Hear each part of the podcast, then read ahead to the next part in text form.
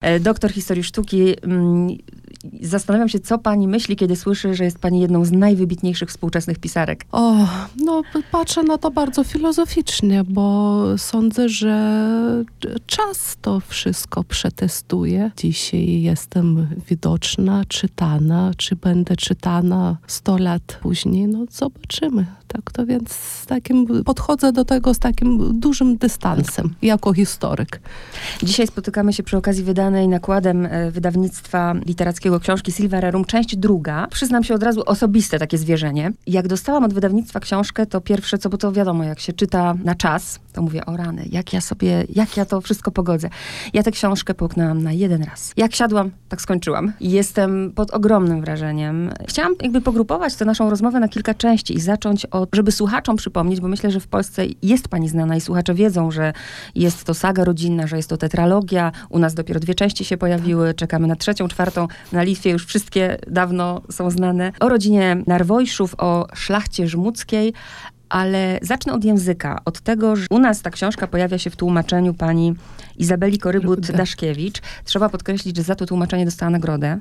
Tak, nagrodę świętego Hieronima, które jest dawane przez litewskie Ministerstwo Kultury najwybitniejszym tłumaczom i bardzo cieszę się, że została pierwszą polską tłumaczką, która była nagrodzona. No i sądzę, że jej należy, bo jest to szalenie skomplikowany tekst i tak. naprawdę przetłumaczyła wirtuozersko. Ja zawsze żartuję, że ja jestem takim autorem z piekla, ponieważ znam dosyć dobrze kilka języków. Nie na tyle dobrze, żeby sama mogłabym tłumaczyć swoje powieści, ponieważ złota reguła tłumaczenia jest taka, że no, musi być e, język ten ojczysty dla tłumacza, na który przetłumaczyć, ale rzeczywiście pani Izabela Korybut-Daszkiewicz przetłumaczyła to tak, jakby ja sama napisała. Tłumaczka się kontaktowała w jakiś tak, sposób? Tak, kontaktowała. Tak, tak, Każdy ma tak. inną metodę, nie, na to. Tak. I o, o ile mogłam, pomagałam, bo czasami y, musieliśmy doprecyzować takie szczegóły historyczne i oczywiście, no, jak autor jest his, historykiem sztuki, tak. kultury, no to le, le, Materia lepiej, trudna dla no, tłumacza. No to szybciej po prostu. I, um, ale tak samo jest w tych przedługich zdaniach, jest pewien rytm. rytm. I naprawdę tłumaczka już oddychała tym samym rytmem, jak ja pisałam, ale dla niej to było olbrzymie wyzwanie, ponieważ strukturalnie, lingwistycznie język polski, litewski mm. bardzo różnią tak. się. Ale naprawdę zdolała to przekazać na, na język polski, ponieważ chyba, że jakieś takie DNA no, no właśnie, sensualne jest wspólne u Litwinów i Polaków. Jakby ostatnie pytanie w kwestii tego języka jest takie, bo wiem, że mm, na Litwie ta książka pierwsza pani wywołała ogromne kontrowersje i właśnie z powodu języka. Tam jest przecież, macie inspekcję, prawda, języka i chodziło o te polonizmy.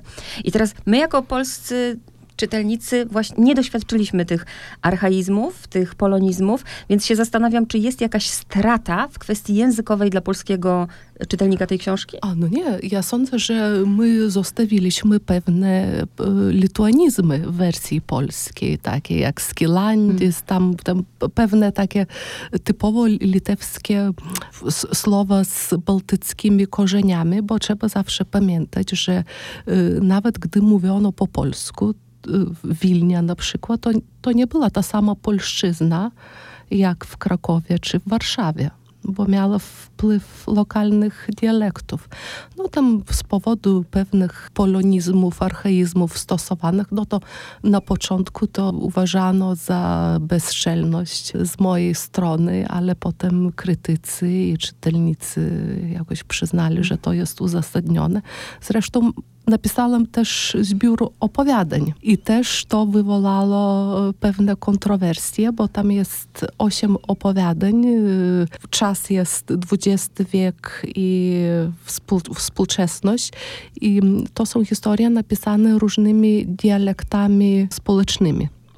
Więc jak w pierwszej osobie przemawia handlarz narkotykami, który y, dostarcza narkotyki do grup filmowych w Wilnie, no to mówię taką gwarą uliczną, jak jak on mówi, jak mówi jakaś dojrzewająca młoda dziewczyna z inteligentnej rodziny przedwojennego Wilna, to jest zupełnie inny registr językowy, bo dla mnie język jest jak, jak muzyka. Pierwsza książka na Litwie, ona się ukazała, jeśli dobrze pamiętam, z 10 lat temu. I to był czas takiej nowości, jeśli chodzi o tematykę, o pisanie o wieku XVII, i się zastanawiam, bo przecież księgi Jakubowe, u nas się kilka lat temu pojawiła książka pierwsza, pierwsza część i akurat w 2014 roku księgi Jakubowe to się tak pięknie zazębiło, że ci, którzy czytali tu Rzeczpospolita Obojga Narodów, tu Rzeczpospolita Obojga ja, Narodów. Ja jeszcze coś pani powiem o księgach Jakubowych, co jest absolutnie niesamowite i zdumiewające, że w tym czasie, kiedy Olga Tokarczuk pisała księgi Jakubowe, ja pisałam trzecią część, która dzieje się dokładnie w tym samym okresie. To jest 1748-49 rok. Ona pisała o konwersjach wyznaniowych Józefa Franka. Ja pisałam też o konwertycie, tylko o Marcinie Mikołaju Radziwile, który też występuje w księgach Jakubowych jako bohater epizodyczny, natomiast u mnie jest jed, jednym z głównych bohaterów.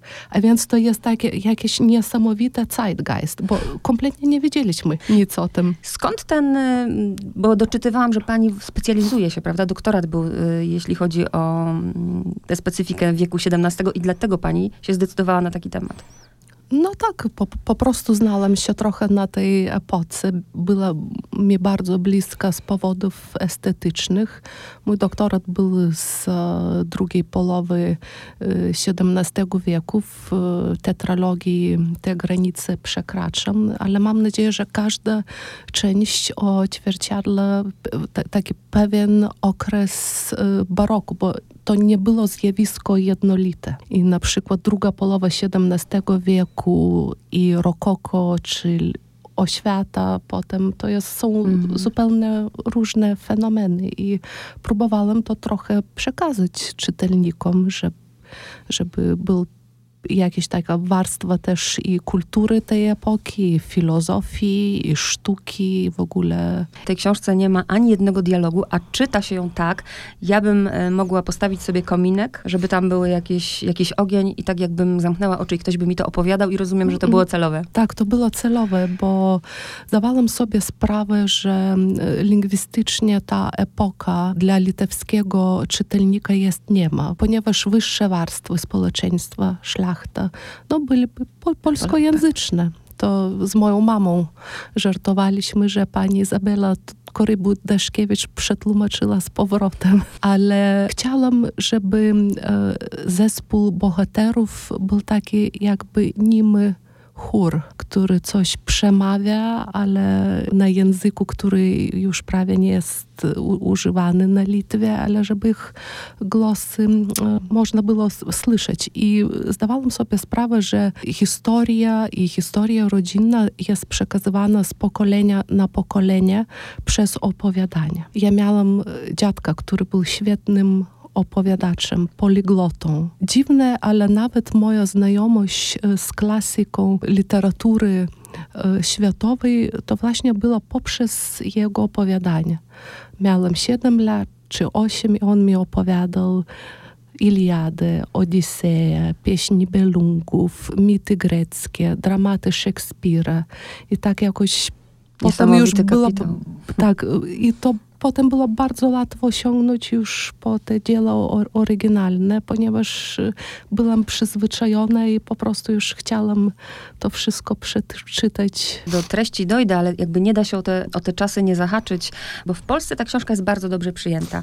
Ludzie to czytają jak faktycznie o polskiej szlachcie, chociaż to jest szlachta na, na żmudzi, ale bardzo ten odbiór jest taki nasz i pani przedstawia to pozytywnie. I teraz jak to jest, że na Litwie tamten okres historyczny i w ogóle Polacy na Litwie, e, hasła Litwa dla Litwinów nie są za dobrze odbierani? Czy pani właśnie tego powodu wydania tej książki miała jakieś nieprzyjemności? Że jest pani, nie wiem, polonofilem, o tak powiem? Nie, nie sądzę, bo jest, powiedzmy tak, zawsze musimy zdawać sobie, że, sprawę, że Litwa nie jest homogeniczna, tak? To jest pluralizm wielu poglądów.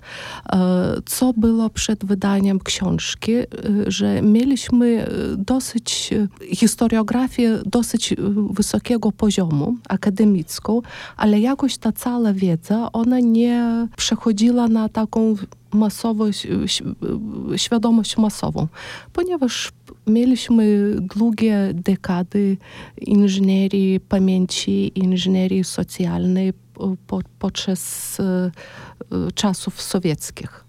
No, kiedy ten cały okres przedstawiano jako spolonizowana tak. szlachta, przepiła państwo, to w ogóle 300 lat... O to lat... chodziło carskiej Rosji, żeby skłócić tak, Polskę i Litwę, oczywiście. 300 nie? lat mhm. upadku i tak dalej. To bardzo cieszę się z tego, że naprawdę y, pomogło to czytelnikom ten okres odkryć dla siebie i e, teraz oni mówią, że e, na przykład na spotkaniach z czytelnikami, no i cóż, że oni przemawiali po polsku, ale to też nasza historia i to jest świetnie.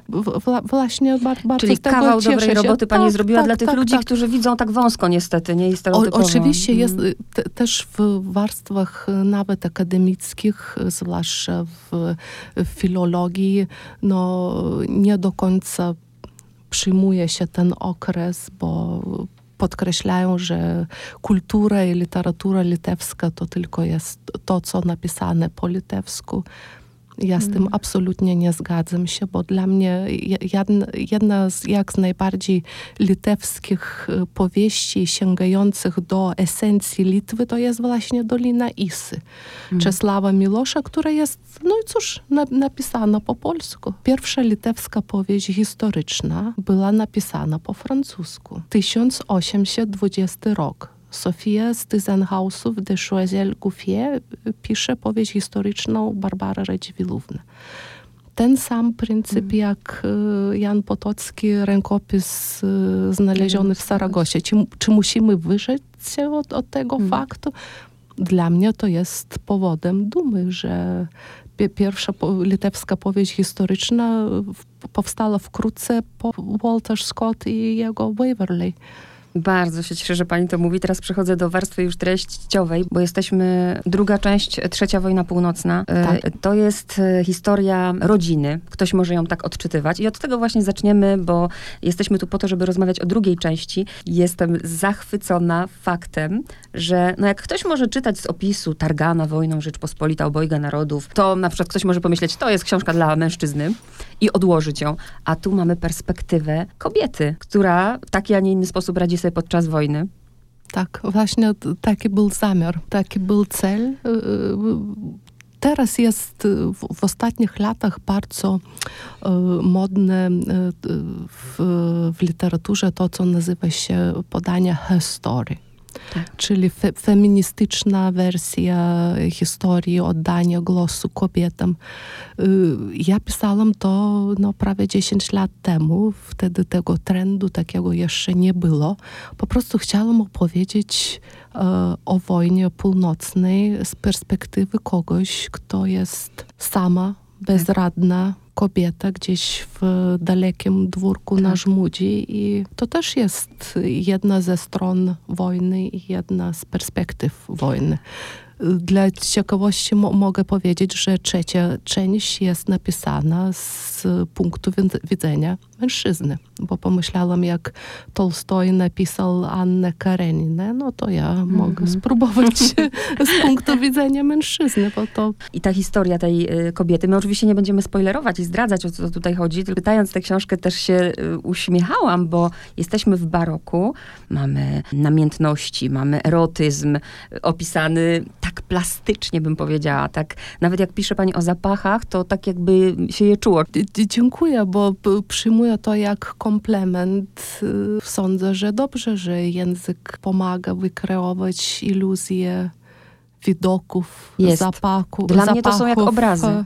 Ta, ta książka jakby obrazami. No jest jestem też. historyczką sztuki. Zawsze e, mówię, że my jesteśmy tłumaczami, bo, my tłumaczymy język obrazów na język werbalny. Kiedy się pojawią kolejne części? Bo znam osobę, która nie przeczyta żadnej, dopóki nie będą wszystkie w języku polskim i składa, nie? Naprawdę. No, ta, ta, tak mówiąc to, je, jest to bar, bardzo duża praca przetłumaczyć i tak około roku trwa tłumaczenie. Każ- No tak, każdego. Więc Oczywiście też chcę podkreślić, że można czytać też oddzielnie. tak, można. Właśnie był taki zamiar, bo jedna powieść to jest jedno Jedno pokolenie pokolenie, tak. tej samej rodziny jest e, samodzielne, ale tak jak nas, na nas mają wpływ e, na nasze losy, mają wpływ losy naszych rodziców czy przodków, no to ewentualnie tak samo i tu w tych ksi- książkach, więc poznajemy coś o poprzednim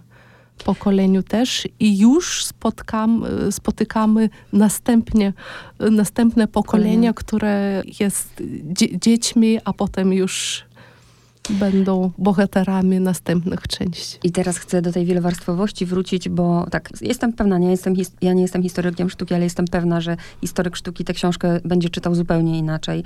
Językoznawca zupełnie inaczej. E, Człowiek, który potrzebuje dobrej historii, bo to jest naprawdę dobra historia, to wciągnie was absolutnie, ale ja z racji takiej, że swoje w ogóle studia zaczęłam od filozofii, uwielbiam książki, w których mogę sobie zadawać pytania, a jeszcze szczególnie pytania, które na 22. Od razu pamiętam, że się zatrzymałam, kiedy jest Właściwie bardzo często w tej książce padają te pytania i na końcu, i w środku, gdzie mm, jest rozważanie, a co by było gdyby? A co by było, gdyby nie doszło do... A co, a co by było, gdyby z ślepym zrządzeniem losu?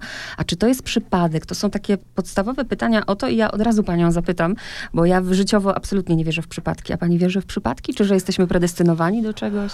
No ja za, zadawałam to pytanie, bo y, y, tak jak pierwsza część, i to właśnie teraz mówi, mówimy o tej, mam nadzieję, najgłębszej Tak, warstwie tak. powieści, moich powieści, że pierwsza część była taką improwizacją na filozofię y, kartezi, kartezjańską, bo ciało, Tak. dusza. Druga część jest improwizacją na temat y, Spinozy. Spinozy. Mm. Ktoś, Trze- kto się interesuje filozofią, odnajdzie Trze- to. Tak. Trzecia część jest e, e, improwizacją w ogóle na temat ezoteryki, eskapizmu, utopii, a czwarta część no, oświata, liberalizmą. Na tak już. Te wszystkie wątki, które właśnie byli specyficzne dla epoki. A tak życiowo już o pani, o pani Krystynie, jest, wierzy pani w przypadki, czy przeznaczenie, czy łód szczęścia? Je, jeszcze nie znalazłam na to odpowiedzi. Powiedzmy tak.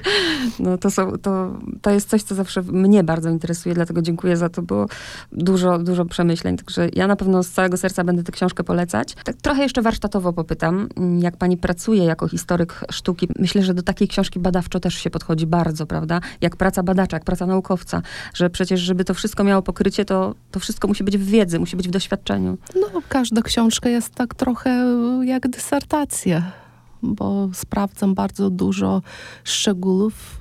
Y, Śmieję się, że chyba moja największa taka ekstrawagancja twórcza, że czasami czytam 50 y, y, książek naukowych, żeby napisać dwa zdania, ale być absolutnie pewna. Bardzo dużo podróżuję. Zawsze mam taki moodboard, jak to się nazywa, taki diariusz wizualny różnych e, zdjęć, kostiumów, budynków, architektury, wnętrz, żeby po prostu być tam.